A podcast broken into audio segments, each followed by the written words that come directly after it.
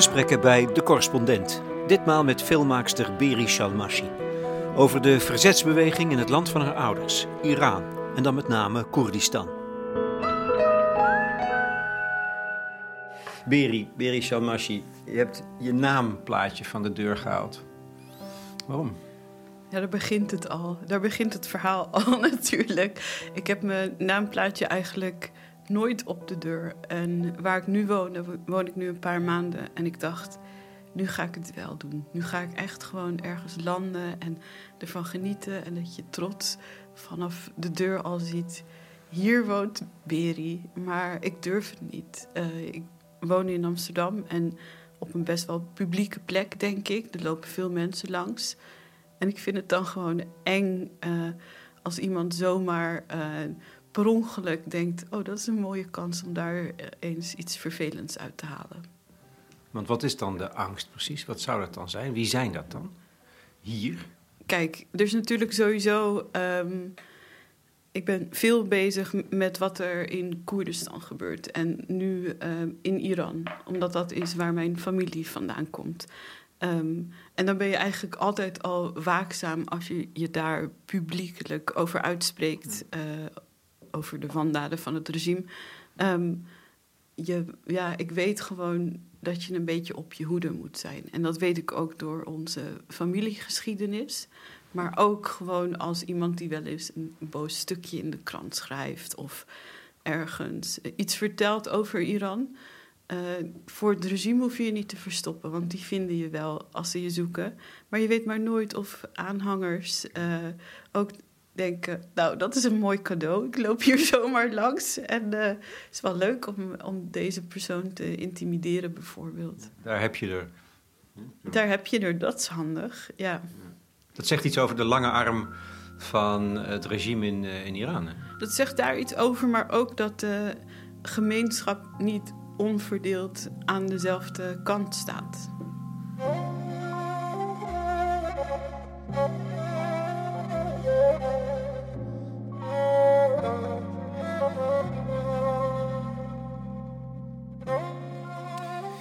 De ouders van Beri Shalmashi komen uit het Koerdische deel van Iran. Zelf is ze geboren in Parijs in 1983.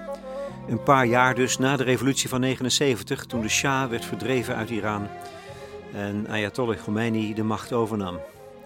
Shalmashi schrijft voor de Volkskrant en is filmmaker. Nu bezig met de verfilming van een boek van Kader Abdollah, Het Huis van de Moskee. Dat gaat notabene over die omwentelingen, die eerste revolutie. Die ontstonden uit een verlangen naar democratie en omsloegen in het tegendeel. Nu is ze weer verzet.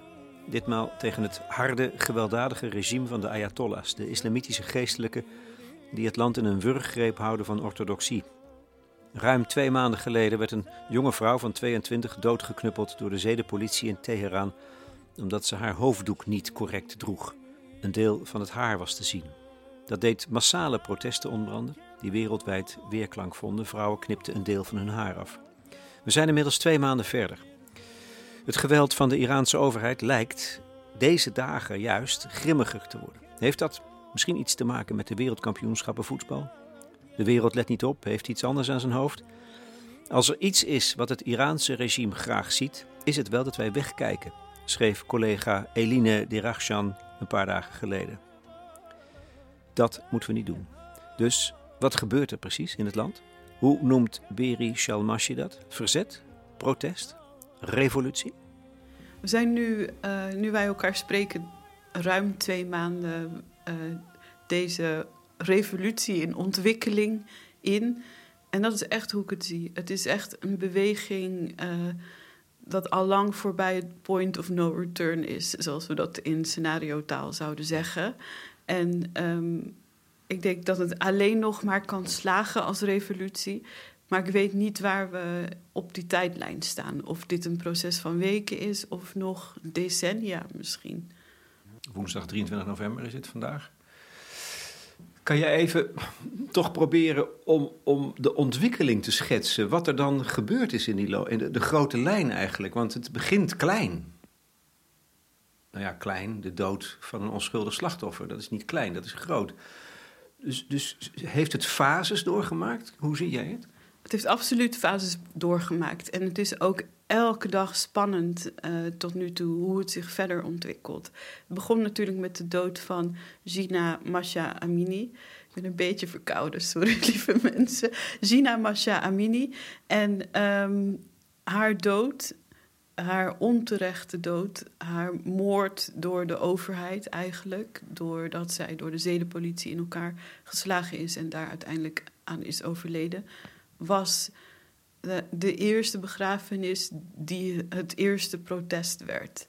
En vanaf haar begrafenis uh, is men begonnen met leuzen scanderen en uh, haar begrafenis werd nou ja, geëerd of er werd meteen ook geprotesteerd in andere steden. En uh, dat is echt als een vuur door het hele land gegaan. En dat was het begin ja. van deze revolutie. Dat is, dat is emotioneel, dat is behoefte om te uiten, dat is ongecoördineerd nog. Spon, dat, spontaan. Dat is spontaan, maar ik zou ook willen, willen stellen dat het zaadje voor wat je nu ziet gebeuren natuurlijk al lang is geplant. En eigenlijk al direct toen uh, het gros van de bevolking van Iran, durf ik wel te stellen, na de vorige revolutie in 1979 al gauw merkte: maar is dit dan wat wij willen? En uh, er zijn toen ook opstanden geweest en verzet. En dat is binnen een paar jaar toch weer de kop ingedrukt. Maar vanaf toen al zie je eigenlijk om de zoveel jaar dat mensen toch weer proberen op te staan. En uh, al die opgekropte woede van de generaties die dat toen deden, tot en met iedereen die daar nu uh, op straat staat te protesteren, dat heeft allemaal met elkaar te maken. En um, dat is emotie, maar dat is nu zoveel lagen aan emotie tegelijk dat dat vanzelf dan protesteren wordt. En toen kon het snel gaan, bedoel je daarmee ook natuurlijk. Want het werd groter en groter en, en verrassend snel, veel groter. Zeker. En wat, wat eigenlijk heel uh, verdrietig, maar ook heel goed is aan wie Gina was, is dat zij voor heel veel mensen tegelijk uh, herkenning was ook. Als jonge vrouw, als Koerdische jonge vrouw, als Koerdische jonge vrouw uh, uit de middenklasse. En daarmee eigenlijk, nou ja, symbool voor heel veel mensen tegelijk. Die dus allemaal in haar een zusje, zichzelf of hun dochter herkenden. Dus helemaal niet revolutionair of radicaal of, of nou ja, uit een verzetsbeweging of marxistisch of zo. Nee, terwijl natuurlijk ligt er van alles onder. En omdat zij Koerdisch was hmm. en het eerste protest in Sakhes was, waar zij vandaan komt. Um, en de Koerden bijvoorbeeld ook hebben gedemonstreerd als er in Syrisch Koerdistan uh, iets gebeurde, of in Iraaks Koerdistan, is er wel die uh, onderlaag aan emoties, maar ook aan kennis en bijna ideologie die daar onuitgesproken onder ligt. En die komt eigenlijk tot uiting in de leus die je hoort en die ook in alle talen te horen is, zou ik willen zeggen. In het Koerdisch is dat begonnen met Zinjan Azadi, wat vrouw, leven, vrijheid betekent. En um, dat is een leus die al ook in andere uh, revoluties en in andere momenten in de Koerdische strijd voorbij Iran ook is gebruikt. Dus ergens ligt diezelfde filosofie eronder. En wat het eigenlijk betekent, Junjan Azadi is uiteindelijk als vrouwen en of andere minderheden niet vrij zijn, dan is uiteindelijk niemand vrij. Dus we moeten in dit geval van Iran iemand als Gina hadden we moeten bevrijden. Want als zij plek heeft om hier te kunnen leven als wie zij is, dan kunnen wij dat allemaal. Je noemt het ook bewust filosofie, hè? een ideologie. Dus dat is nog groter dan zo'n betrekkelijk eenvoudige en heldere leus. Absoluut. En dat is ook omdat het, uh, ik zou bijna willen zeggen, en dat, dat geldt voor Iraans denken, denk ik, maar ook voor Koerdisch denken in dit geval. En daarin zit natuurlijk overlap, ook qua identiteit in dit geval. Zit eigenlijk altijd al de gedachte dat de vrouw de baas in huis is. En eigenlijk is dat cultureel al heel erg zo. En dat is in conflict met uh, hoe het regime, het land en de mensen tot op in hun woonkamer wil regeren. En dat conflict dat vertaalt zich nu naar nee, dat eisen wij terug. Wij zijn de baas. Wij bepalen hoe wij ons leven in willen delen. Daarom is die botsing misschien ook nu heftiger of zo, of, of grondiger, of waarom je echt kan spreken van een revolutie. Ja, ook omdat uh, het is natuurlijk heel mooi dat het bij vrouwen begonnen is, in ieder geval op dit niveau. Maar uiteindelijk um, moeten mannen hiervoor gaan staan, anders dan werkt het niet. En mannen staan hier volledig voor. Er was vorige week een uh, begrafenis van een jongen die in, uh, als ik het goed heb, Mahabat, waar mijn moeder vandaan komt, uh, is gedood door het regime tijdens protesten. En zijn vader op het graf de volgende dag stond daar direct met een toespraak, sowieso zijn die toespraken zo bizar sterk de afgelopen tijd. Maar die vader zei. Um, Bebaarde oudere man. Die daar, het is ongelooflijk zoals hij daar staat, recht overeind op een of andere manier. Oké, er staat hier dus. Op, wacht even. Ik zei, ik zei net iets verkeerd. Um, Leuk, mooi dit. Sorry. Nee, zo gaat het. Je zoekt, je zoekt video's en ja, het zijn precies. er tientallen, misschien wel honderden. Zeker, het, zijn, het is een eindeloze stroom aan video's, um, waardoor we alles van heel dichtbij kunnen meemaken. Um, de jongen om wie het gaat, de, de, jongen die is omgekomen, die is in Bokan omgekomen, dus niet ja. in Mahabad, wat ik net zei.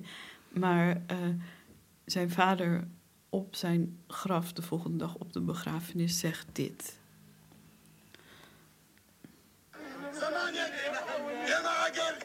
اگر دەمانیت بەیەکێ بڵین زۆر پیاوە بێشە بڵین زۆر بەگیرەتە زۆر بە ناموسە زۆر بە ویژدانە لە کەلیمەی چی ئیسپانەمانەکرد پیاو دەواکن زۆر پیاوە ئەلعان پیاوێک کە بێ زۆر پیاو دێ دەبێت زۆر ژندێ واقعان غیرەتیش نەکان لە پیاوە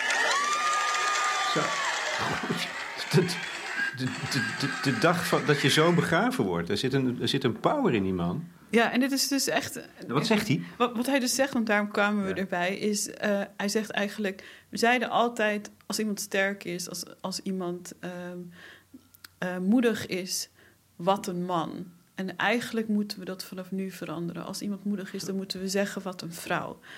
Dit zegt een man wiens zoon wiens lijk nog niet koud is geworden, zeggen wij dan. En uh, hij staat daar op het graf dat nog niet eens gesloten is, wat nog niet eens Zo.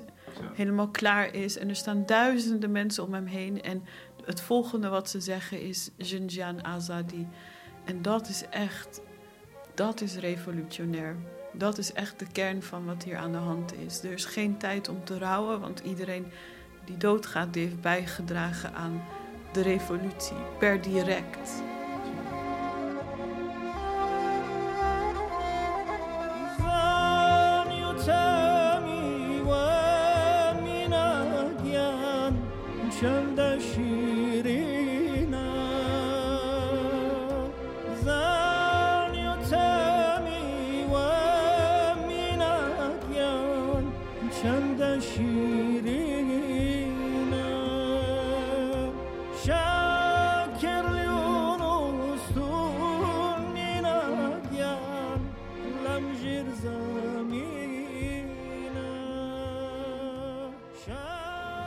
Dus, dus als je nog even um, één of twee stapjes terugzet. Hè, het begon met dat, die gewelddadige dood van Amini in Teheran, uh, waar ze op bezoek was. Er ontstonden meteen protesten. We zijn nu twee maanden verder. Zitten er nog meer fasen in? De mannen zijn, er, zijn mee gaan doen. Het is niet alleen een protest, eh, een, een revolutie van vrouwen. En de mannen zijn vanaf het begin al mee gaan doen. Eh, vergeet niet, of voor wie dat nog niet wist, sowieso. Uh, op Gina's graf st stond al meteen de tekst: Gina, jouw naam is het symbool voor, uh, voor een nieuwe beweging, zou ik willen zeggen. Um, en daar, daar, stond haar vader ook bij en haar broer ook. Dus het is eigenlijk vanaf het begin al vrouwen op de voorgrond houden, maar het wel volledig samen dragen.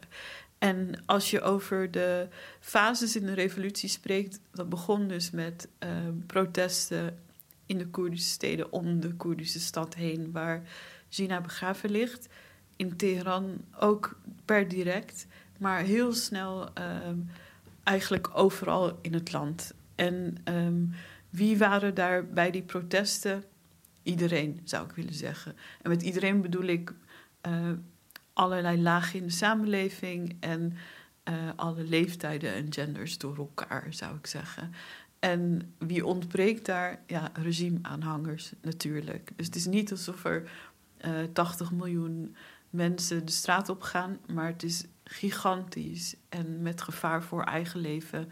De um, agenten van het regime begonnen vrij snel met het schieten met rubberkogels bijvoorbeeld. Um, en ja, tien schoten, dat red je nog wel, maar soms honderden in één lichaam.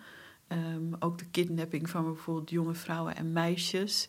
Um, heel veel mensen zijn opgepakt of verdwenen. Uh, dus het werd eigenlijk al vrij snel gewelddadig.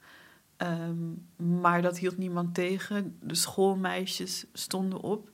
En dat was voor mij een significant punt in de ontwikkelingen de afgelopen tijd. Dat meisjes van, laten we zeggen, 12, 15 um, de Ayatollahs uit hun schoolboeken scheuren. En ook vertegenwoordigers van het regime die uh, bezoekjes aan school aan doen, soms formeel, soms informeel, uit, uitjoelen en van het schoolplein aftrappen bijna.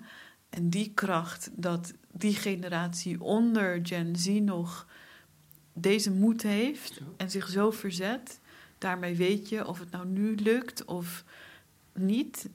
Het kan nooit meer uh, ongedaan worden wat er nu in beweging is gezet.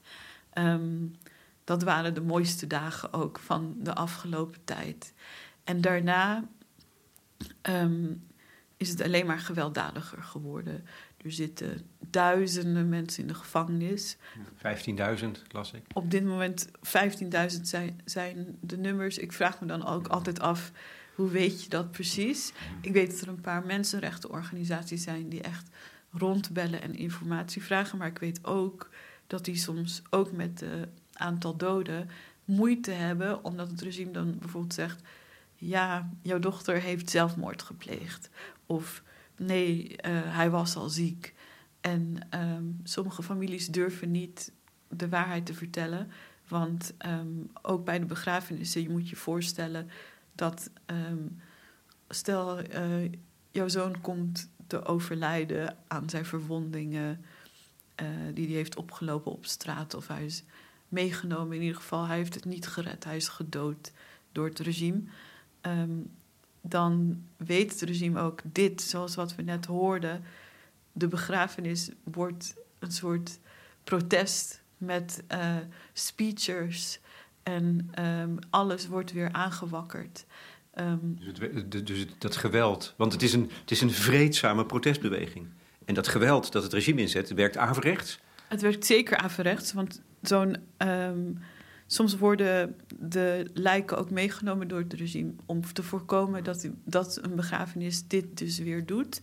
En soms um, worden ze gedwongen om hun kinderen en vaders en moeders in de nacht te begraven om zo min mogelijk uh, demonstranten eromheen te hebben, et cetera. Dus het is echt, um, het is echt een volle, volledige cirkel waarvan mensen gaan de straat op mensen worden gedood. Maar de begrafenis is weer aanleiding tot een protest. En zo gaat het al maanden door eigenlijk. Je zou daarmee kunnen zeggen, wat duurt het lang? Wat, wat blijft dit eigenlijk lang in stand? Je zou ook kunnen verwachten dat het regime nog veel harder met repressie en, en extreme gewelddadigheid uh, van met name de revolutionaire garde optreedt. Um, Klopt het dat je juist de laatste dagen dat ziet? Die verslechtering daarvan, die verharding? Dat... Ja, we zijn nu op het meest verdrietige en ellendige punt tot nu toe. Waarin, um, en dat is, ja, dat is niet omdat ik Koerdisch ben en de hele tijd wil zeggen de Koerden, maar het is nu in de Koerdische gebieden verschrikkelijk. Het is totaal, um, ja, een militair militair gebied, zou ik willen zeggen. Het is eigenlijk burgeroorlog geworden, toch? Maar, ah, met die verstanden dat er aan de ene kant de wapens zitten en aan de andere kant niet. Nee, het is, precies. Dus daarom vind ik ook... Het ziet eruit als een burgeroorlog als je de beelden ziet. maar dat is het natuurlijk eigenlijk niet, want daarmee impliceer je per ongeluk dat de burger zich ook enigszins evenwichtig kan verzetten, maar dat kan helemaal niet. Ik uh, krijg beelden van vrienden die uh, barricades bouwen op straat en dat doen ze met bakstenen en um, banden en um, weet ik veel, kantoorstoelen. Wat, wat ze maar uh, voor het uh, pakken, voor het grijpen hebben. En uh, die verschuilen zich daarachter en die ja, gooien wel eens stenen naar de overkant. Of die branden wel eens um, kantoorgebouwen van de politie af, bijvoorbeeld. Het huis van Khomeini is afgebroken. Kijk, dat is natuurlijk het allermooiste, lekkerste symbool tot nu toe. Maar dat is nog steeds niet met wapens en dat moeten ze ook niet doen. Uh, ik denk dat er heel veel Iraniërs zijn die thuis wel een verroest jachtwapen hebben staan, bijvoorbeeld. Maar te, gelukkig tot nu toe gebeurt dat niet, want dan uh, vraag je om een burgeroorlog tussen aanhalingstekens des te schrijnender. Het is echt om wanhopig van te worden dat dat geweld wordt ingezet. Met name nu door, door de revolutionaire met name in Koerdistan. Waarom daar nu? Dit is waarom ik persoonlijk vanaf het begin het al belangrijk vond dat mensen eh, konden erkennen dat Gina Koerdisch was. En dat ze uit een Koerdische stad kwam. En dat daar uh, het zo moedig was dat daar uh, mensen ook de straat op gingen omdat de Koerden chronisch worden onderdrukt uh, in Iran en in Turkije en in Syrië en een beetje in Irak. Maar zeker in Iran. En dat wordt ook altijd, elke opstand die de Koerden voor elkaar krijgen, wordt ook intens de kop ingedrukt. Bijvoorbeeld na de revolutie van 79 um, zijn de Koerden ook opgestaan en ook massaal uh, geëxecuteerd. En die pijn die zit nog bij de Koerden, maar ook die moed bijna om uh, de Koerden neer te slaan, zit nog ook bij het regime.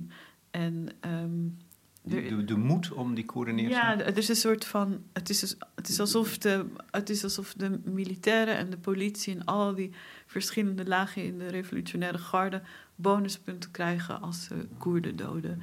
Um, en dat, dat loopt tot en met, dat zijpelt tot over de grens van Iran.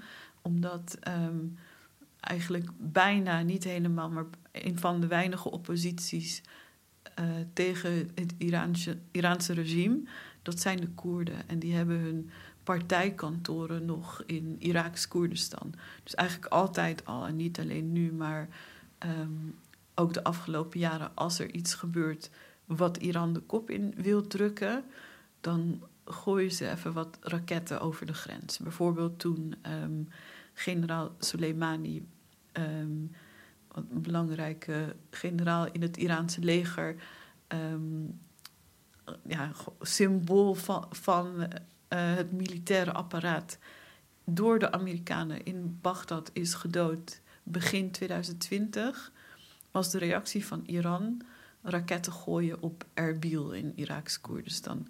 Ik was daar toen en ik heb het gehoord. En meer dan wat je hoort en ziet en uh, wat er gebeurde, is eigenlijk dat je voelt: dit is echt de lange arm van Iran. Dat zijn niet, niet alleen de spionnen en hier en daar een liquidatie, zou ik willen zeggen. Maar het is echt dat Iran de macht heeft. Uh, die, als ik een steen gooi, dan komt die hier buiten op straat te liggen. Als Iran een steen gooit, dan ligt hij zo in Libanon, bij wijze van.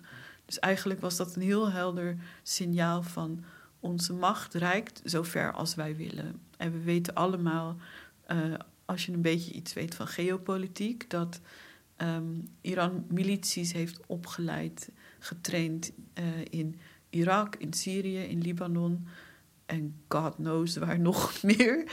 Um, maar ze hebben eigenlijk hun eigen grondtroepen daar al. En, um, Overal, maar dan in het geheim dan? Want... Nou, niet, niet eens in het geheim, want er was, er was natuurlijk die oorlog tegen IS... waar deze landen alle hulp bij konden gebruiken. En daar was generaal Soleimani natuurlijk ook gewoon in Bagdad. Dus ehm, ik zoom heel erg uit, want jij vroeg ehm, waarom de Koerden? Omdat er daar dus uh, deze spanning is van uh, het verzet van de Koerden, wat, wat niet gebeurt. Want ook deze oppositie die in Irak zit, weet. Dit moet het volk zelf doen. Wij, komen daar niet, wij gaan daar niet met onze Kalashnikovs naartoe, want dat wordt een grote puinhoop.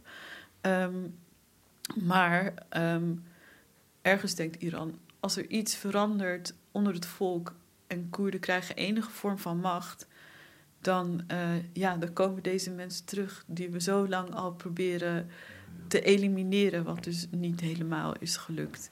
Um, deze opposities die hadden lange tijd na de revolutie uh, de eigen gebieden on, onder eigen controle. En uh, dat zou zomaar eens kunnen staan te gebeuren. En dat, dat wil het regime niet. Plus, wat ook heel efficiënt is, hoe meer je uh, de Koerden pijn doet en andere gebieden in Iran daar niet tegen op kunnen, dus uh, bang worden en niet genoeg opstaan om uh, eigenlijk de aandacht weg te trekken uit die gebieden, hoe meer de Koerden ook kunnen zeggen zie je wel, wij horen niet bij Iran. En dat is natuurlijk. Um, strategisch, strategisch is dat uh, de, de, politiek vanuit het regime. Precies, dus dat is echt verdeel en heers. En ook zeggen: kijk, de Koerden willen zich afscheiden. Wat politiek gezien overigens niet zo is. En dat de Koerden dan zeggen: ja, maar ja, klopt, want uh, blijkbaar staan we er alleen voor. Dus het is een heel geniepig, gevaarlijk en dodelijk spel. De, aantal doden in Koerdistan halen nu ook alle andere gebieden in. Nu wij elkaar spreken, zitten we rond de 100 officieel. En uh, nou ja, ik hoef mijn telefoon maar te openen als daar internet is. En je ziet gewoon op Telegram, op Instagram uh, de lijken op straat.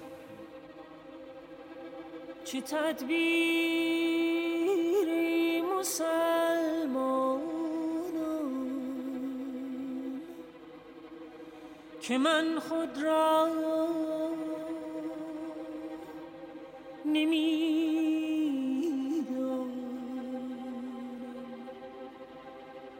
نترسان یهودیم. نگبرونم مسلمان.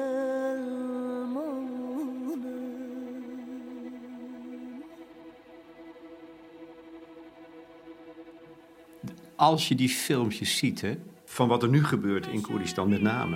En dan weet je nog niet eens wat er in de andere steden gebeurt van Iran. En je ziet hoe de. Ja, dat zijn, zijn bootleg-filmpjes vanuit de derde etage genomen. En dan zie je schimmige beelden op straat. Maar je ziet daar de, de mannen van de revolutionaire garde steden ingaan. Weet je wat mij treft? Is de kalmte waarmee ze het doen. Dat heeft iets zo gruwelijks en onheilspellend. Je ziet helemaal niet opwinding of geschreeuw. Nee, ze lopen heel rustig met hun wapens naar binnen. Ja, die, die, die kanten. En ik zie trouwens echt meer dan alleen uit Koerdische gebieden. Ik zie, echt, ik zie echt alles. Alles wat er te zien valt. Ik, ik zit in zoveel Telegram-kanalen waar je dus um, alle video's binnenkrijgt. En ik zit zelfs in de kanalen van het regime, zeg maar, uh, hun uh, propagandakanalen, omdat ik ook wil weten hoe counteren zij dit of wat, hoe maken zij dit van zichzelf. Um, maar wat, wat je ziet, die koelbloedigheid, dat is natuurlijk zo eng, omdat daar ook een overtuiging uitspreekt, waardoor je weet, die laten dit ook niet zomaar los. De hoop is natuurlijk dat je denkt, maar jij bent toch ook ergens een zoon van Iran. Um, hoe lang trek je dit nog? Maar uh, er zijn gewoon echt mensen die overtuigd zijn van het gelijk van het regime. En dat zit hem natuurlijk ook in, als jij zegt dat jij iets uit naam van God doet, wie houdt jou dan tegen? En we hebben dat bij IS gezien, maar je zou bijna kunnen zeggen dat IS het weer heeft afgekeken van hoe Iran daarmee hoe uh, de Islamitische Republiek, uh, laat ik het zo zeggen, geleid mag worden als een officiële staat die ook gewoon bij de VN aan mag schuiven. Dus dat is ontzettend inspirerend voor andere terroristen, zou ik willen zeggen. Maar de, ja, hoe kom je tussen, hoe kom je tussen een man en zijn geloof?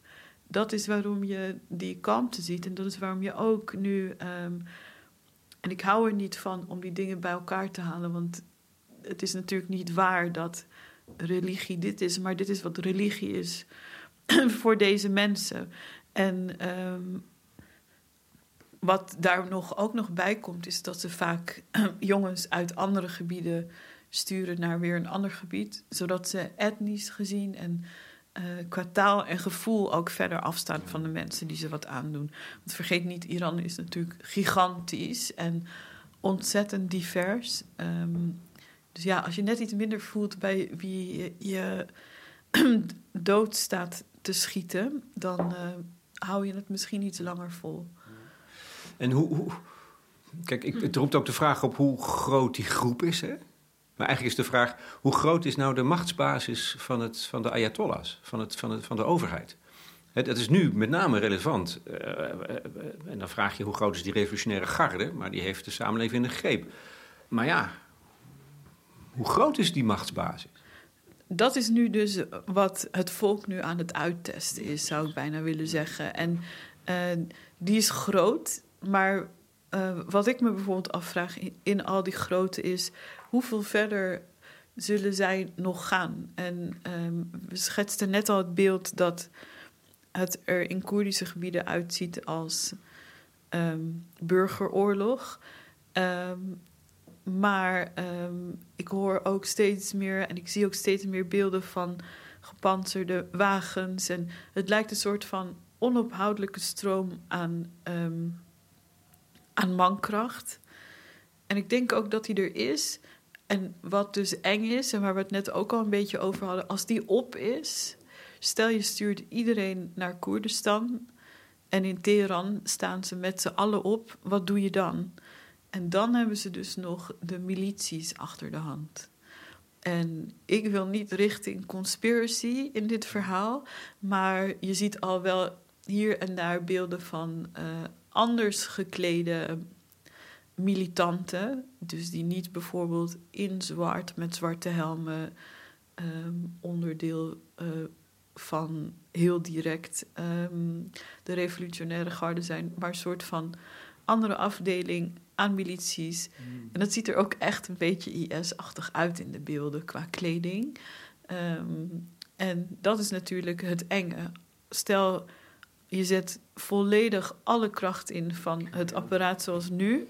En dan voeg je daar ook nog eens de milities aan toe. En die in het binnenland zijn. En je voegt daar ook nog eens vanuit de grens um, met Irak, met Iraks Koerdistan, de rest aan toe. Dat is een beetje waar ik bang voor ben. En ik hoop heel erg dat ik ongelijk heb, maar um, ja, het is wel een heel sterk voorgevoel. Ook wat we nu zien en alle ellende nu, helikopters die uh, boven de lucht hangen en waar dus ook um, troepen mee worden vervoerd naar uh, bijvoorbeeld de stad waar mijn moeder vandaan komt of de stad waar mijn vader vandaan komt, uh, Zuidasht en Mahabad. Dat is echt de, bijna meer in alle ellende een opwarming naar nog meer ellende dan dat, dit het uiterste is wat zij kunnen doen. En, en dan zou Iran van binnenuit kunnen transformeren in een soort IS-staat. Als je nog verder kijkt. Ja, wat mij betreft zijn ze al ruim 40 jaar een IS-staat. Ja, en er zijn nog wel gradaties ook in gewelddadigheid. Ja, en ook in, uh, in zichtbare gewelddadigheid. Want ik denk dat aan de ene kant uh, is alles wat we zien verschrikkelijk. En ook de berichten die je ook tot in de Nederlandse media hoort over meisjes die worden verkracht en vermoord bijvoorbeeld. Maar het is niet alsof het regime dat niet al deed. Het is nu ontzettend zichtbaar en um, er gebeurt meer achter elkaar. En um, wat dan IS-achtig wordt, uh, visueel zou ik zeggen, is de aanwezigheid van um, militairen, van, van de macht on the ground en in de lucht. Even een zijsprongetje. Um, um, omdat dat ook nog te maken heeft met de vraag waarom duurt het zo lang en waarom zien we nu opeens een verscherping? Het Iraanse voetbalelftal heeft geweigerd om het volkslied mee te zingen. Zou het regime gewacht hebben met wat ze nu doen tot het begin van de voetbalkampioens, wereldkampioenschappen voetbal? Zo van, nou, de, wereld, de hele wereld kijkt daarnaar. Uh, die let er toch even niet op. Of er is geen ruimte voor in de kolommen. Ik, ik denk zeker dat. Uh, ik, ik zie dit regime uh, voor heel intelligent. En ik denk ook um, in, alle, in al het geweld, denk ik dat ze heel symbolisch te werk gaan omdat Iraniërs nou eenmaal zo zijn. Ik denk dat we allemaal verhalenvertellers zijn en heel gevoelig zijn voor de betekenis van beelden en de timing ook. Uh, dat iedereen daar ook heel poëtisch in is. Dus ik weet zeker dat ze strategisch met alles rekening houden.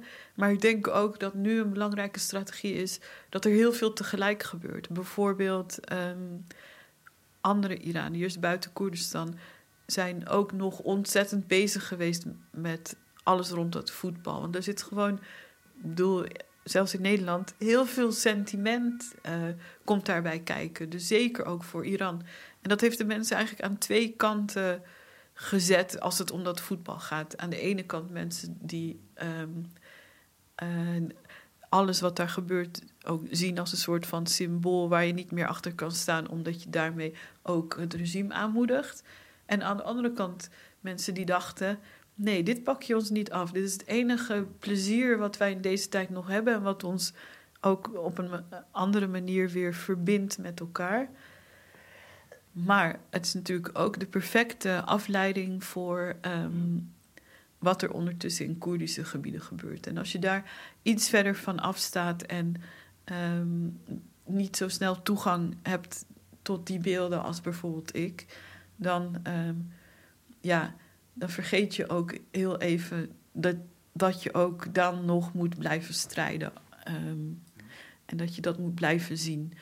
Um, dit is natuurlijk heel ingewikkeld om te zeggen, want dat is niet de schuld van, van de mensen, maar gewoon van toevallige of goed geplande timing, wat jij zegt. Nou ja, en, en snappen hoe slim zo'n regime opereert. Ja, dat is, dat is, dat je zegt, je noemt ze extreem of zeer intelligent. Dat is belangrijk om te weten.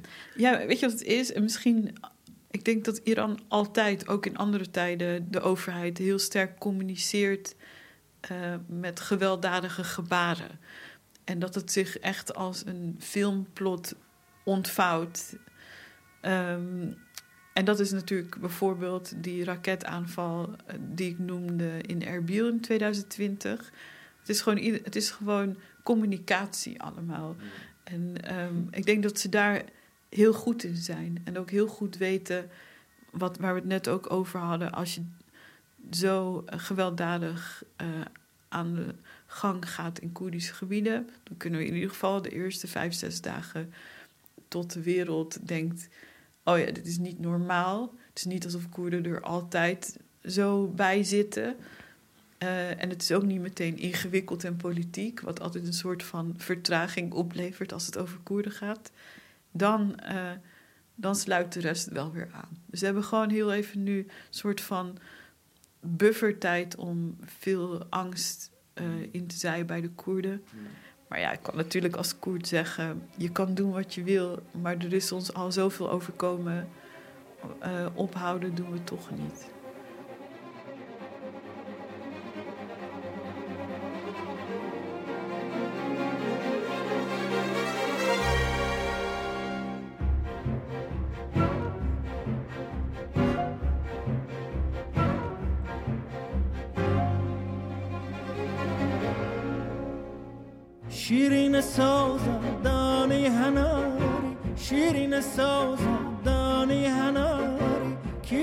کی ججوانکی نیو کردواری کی ججوانکی نیو کردواری همل لسر چی لامن بیزاری همل لسر چی لامن بیزاری شیرین سازم شیرین سازم Vier jaar geleden, Beri, um, Shalmashi, sprak ik met uh, Peyman Jafari.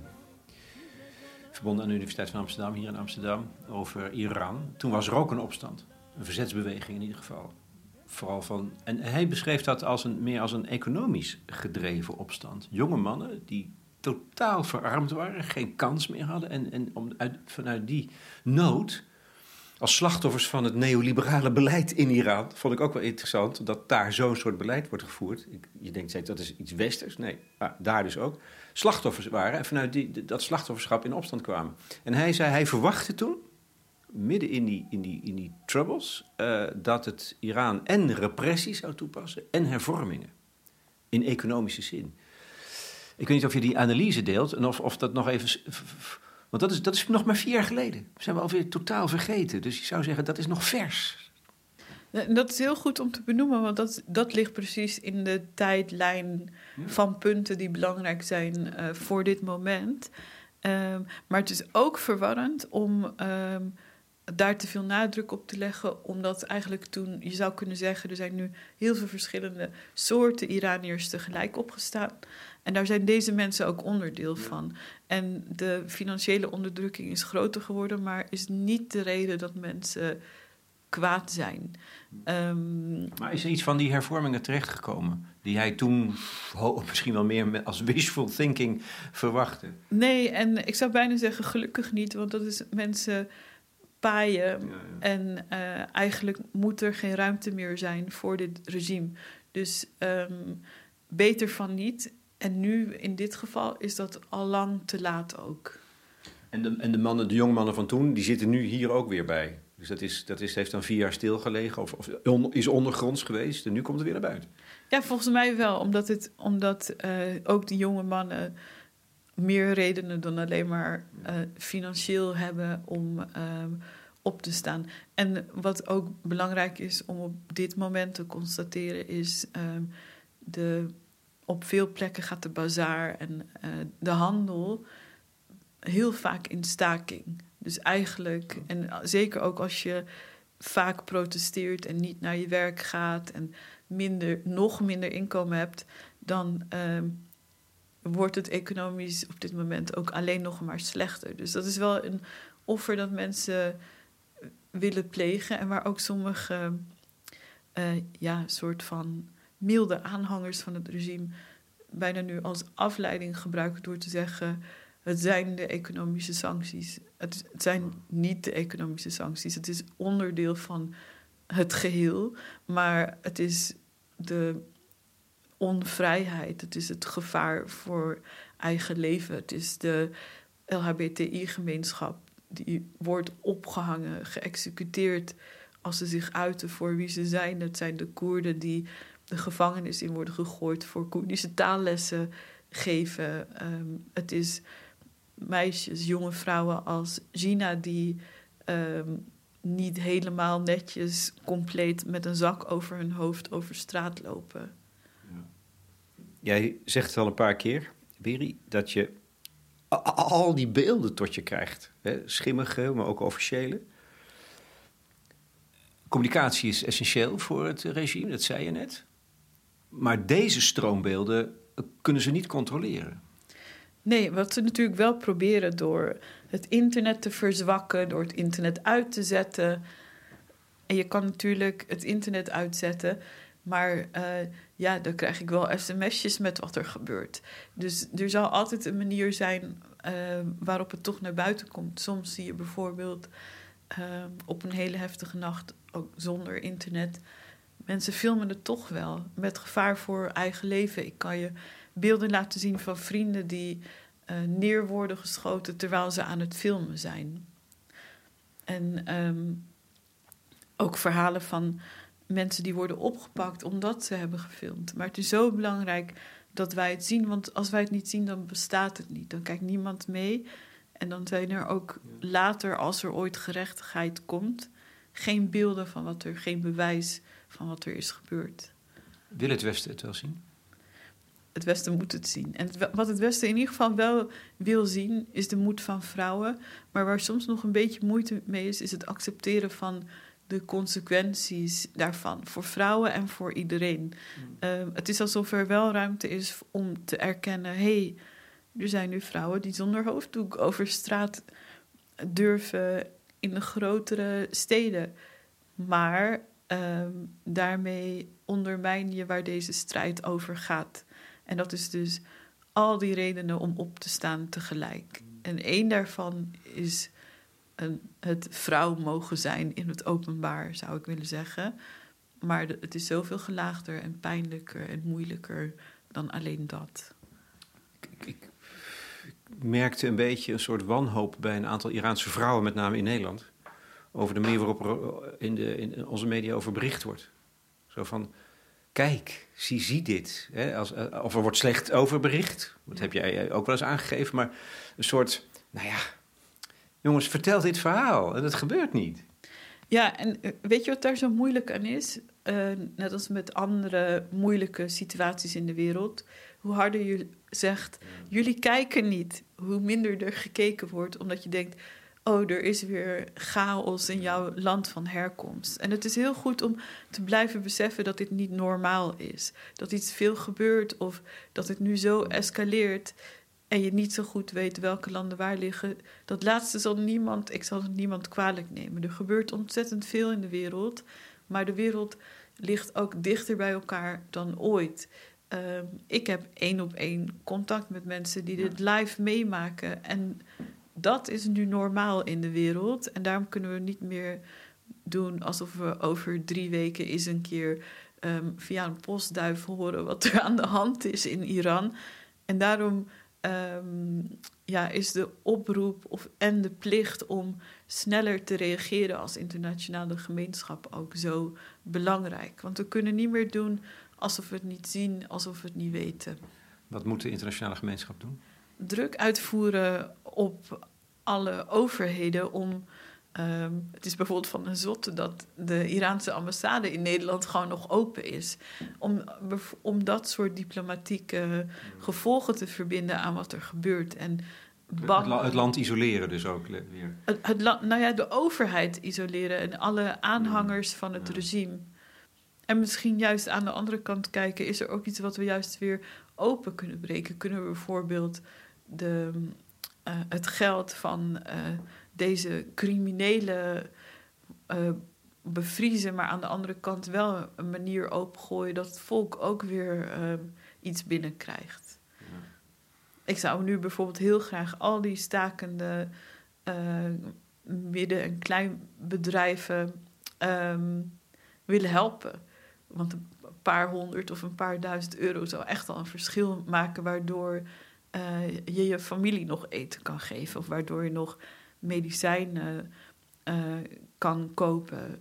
Want die noodkreten krijg ik ook audioberichten met: we kunnen het niet betalen om uh, mijn broers oog nu op te laten lappen, net, nu die net beschoten is. Want de doktoren vragen ook steeds meer. Dus eigenlijk zou ik heel graag willen dat, dat we bijvoorbeeld daar eens naar kijken als internationale gemeenschap. Is er, wat kunnen we doen? En soms kan je zoveel meer doen dan je denkt. Alleen al door een manier te zoeken om daar goederen heen te krijgen, bijvoorbeeld. Want dat kan ook niet. Dat kan nu niet door de sancties. Oké, daar zitten we, zitten we onszelf in de weg met de sancties. Ja. ja. Ja, want we zitten het volk ook in de weg. Terwijl die sancties ook bedoeld zijn om dat land te isoleren en te straffen. Of het regime in ieder geval. Maar je pakt dan het volk, zoals altijd het eeuwige dilemma is. Ja, precies. Dat is wat er nu aan de hand is. Doen jullie het, doen jullie het ondergronds? Acties op touw zetten? Uh, hulpgoederen uh, smokkelen? Ja, ja, natuurlijk. Bij deze illegale confessie. Natuurlijk doen we dat. Want er zijn maar heel kleinschalig. Dat is bijvoorbeeld. Ik heb een benefietavond georganiseerd met een filmvertoning en daar een paar honderd euro ingezameld. Um, en dat geef ik dan bijvoorbeeld uit aan VPN uh, eh, voor vrienden en filmmakers die, die daar zitten. Um, maar wat, wat je daar ook mee kan doen is ik had gisteren een jongen aan de lijn. we hebben 700 euro. Wat, hoe kunnen we dat nog meer... Waar wil je het meeste aan? En nou ja, voor een filmmaker is bijvoorbeeld een... Uh, nu wordt het heel specifiek, maar een... Um, submission fee voor een festival om je film op te sturen van 100 dollar is heel veel geld. Um, kan ik dat ergens op een PayPal zetten? Dat werkt niet. Kan ik het in bitcoins naar ze sturen? Dus dat zijn wel echt manieren waar je dan over nadenkt. Ja, dat kan allemaal. Ook kleine stappen kunnen een grote betekenis hebben. Al is het maar voor, voor de moed of zo, om die te blijven steunen. Ja, en, uh, en het helpt. Het helpt ontzettend om te vertellen: hé, hey, maar wij doen hier ook iets.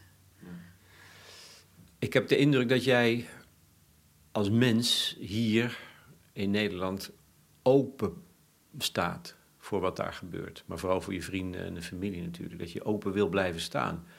Dat die beelden door jou heen komen en de verhalen om ze door te kunnen geven. Um, hoe houd jij dat vol? Dat weet ik niet, eerlijk gezegd. Maar weet, je, weet je hoe ik dat volhoud? Ik denk, um, omdat het een onderwerp is waar ik me professioneel als mm. filmmaker ook al heel lang mee bezig hou. En wat vaak heel moeilijk is, omdat er normaal geen beelden zijn. Dus eigenlijk in, in alle ongunstigheid is het heel gunstig dat ik eens een keer kan laten zien. Dit is waar het over gaat. Dit is hoe zo'n straat eruit ziet. Dit is hoe zo'n vrouw eruit ziet. Uh, dit is waarom ik het belangrijk vind.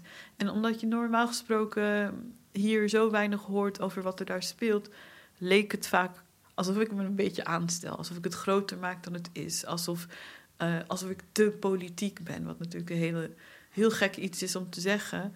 Maar dit is dus waarom ik had gewild dat bepaalde films die ik had willen maken er nu zouden zijn. Dan hadden we dit beter begrepen. Dus eigenlijk zijn deze beelden een soort van, uh, nou ja, ruwe montage van wat had kunnen zijn qua mijn werk. En zie ik het dus ook als mijn plicht om die beelden te vertalen, te duiden en te helpen dat mensen ze hier ook zien en begrijpen. Dus dat is wat mij uh, drijft. En tegelijkertijd, omdat ik dus ook echt gewoon veel en warm contact heb met mensen daar die uh, tot op nu wij hier zitten aan toe kreeg ik net nog een video uh, direct van iemand die dat op een dak in Sena in Senendaj heeft gefilmd. Denk ik, ja, maar ik kan dat ook. En misschien is mijn bereik een paar duizend mensen, maar wie weet, wie zit daartussen?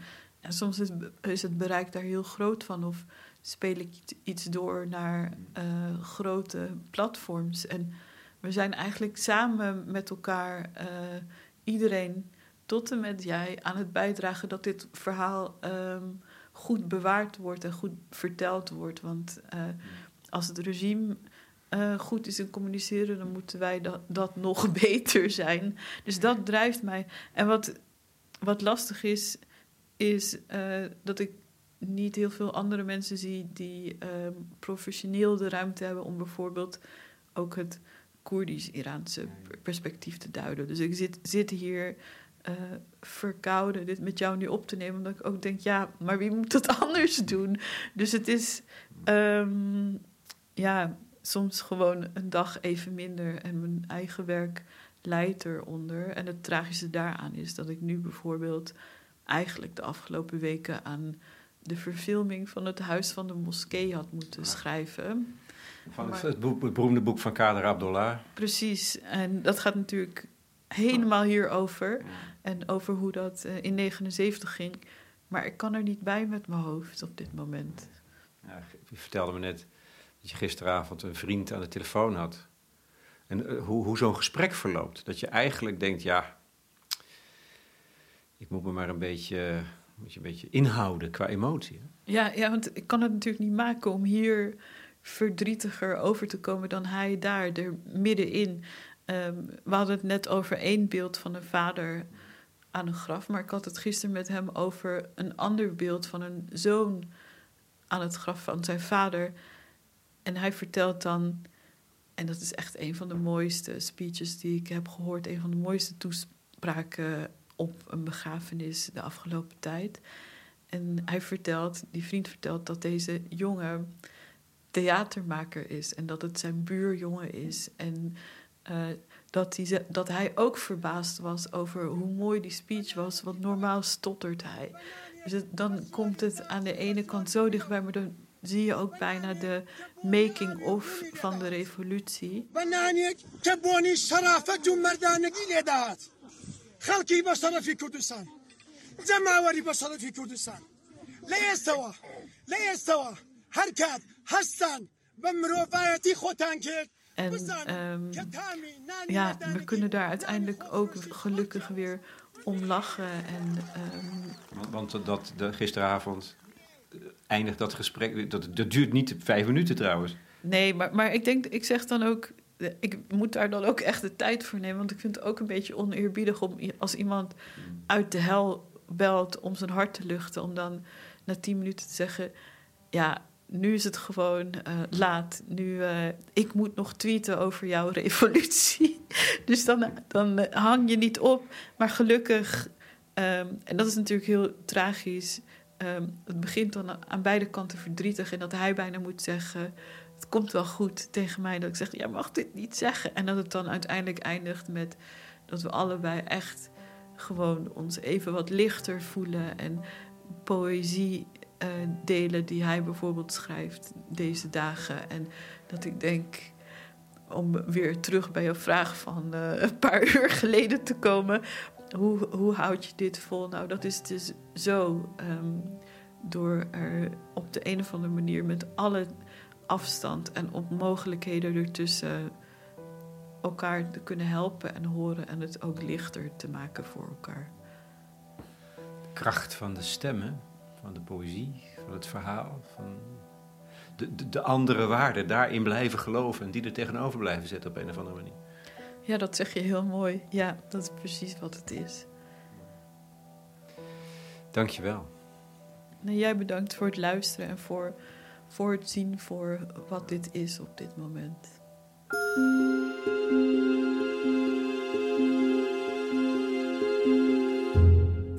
Peri Shalmashi in gesprek met Lex Bolmeijer voor de correspondent. Laten we erover doorpraten. Dat kan op ons platform. De bijdragesectie is toegankelijk voor leden. En je bent overigens al lid van de correspondent voor negen tientjes per jaar. Daar krijg je dan wel een jaar lang kwaliteitsjournalistiek voor voorbij de waan van de dag. Ten slotte de muziek. Ik gebruikte twee liederen van de Koerdische zanger Homayun Shajarian. Die zou naar het concertgebouw in Amsterdam komen onlangs, maar dat is vanwege evidente redenen afgelast. En tenslotte ook nog een nummer van de CD Placeless van het Kronos Quartet samen met de Persische zangeres Masha Vajdat.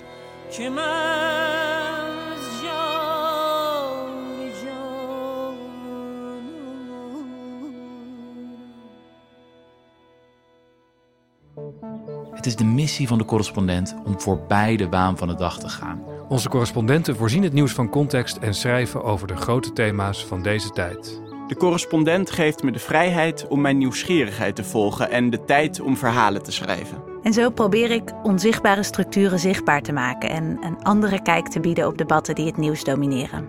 Dan gaat het minder over het spelletje en veel meer over wat er op het spel staat. Vanaf dag 1 zijn onze artikelen, boeken en podcasts gefinancierd door onze leden. Volg ons op onze journalistieke zoektocht. Overweeg eens lid te worden van de correspondent. En maak daarmee samen met ruim 70.000 anderen onze onafhankelijke journalistiek mogelijk. Dus word lid van de correspondent. Ja. Word lid. Word lid.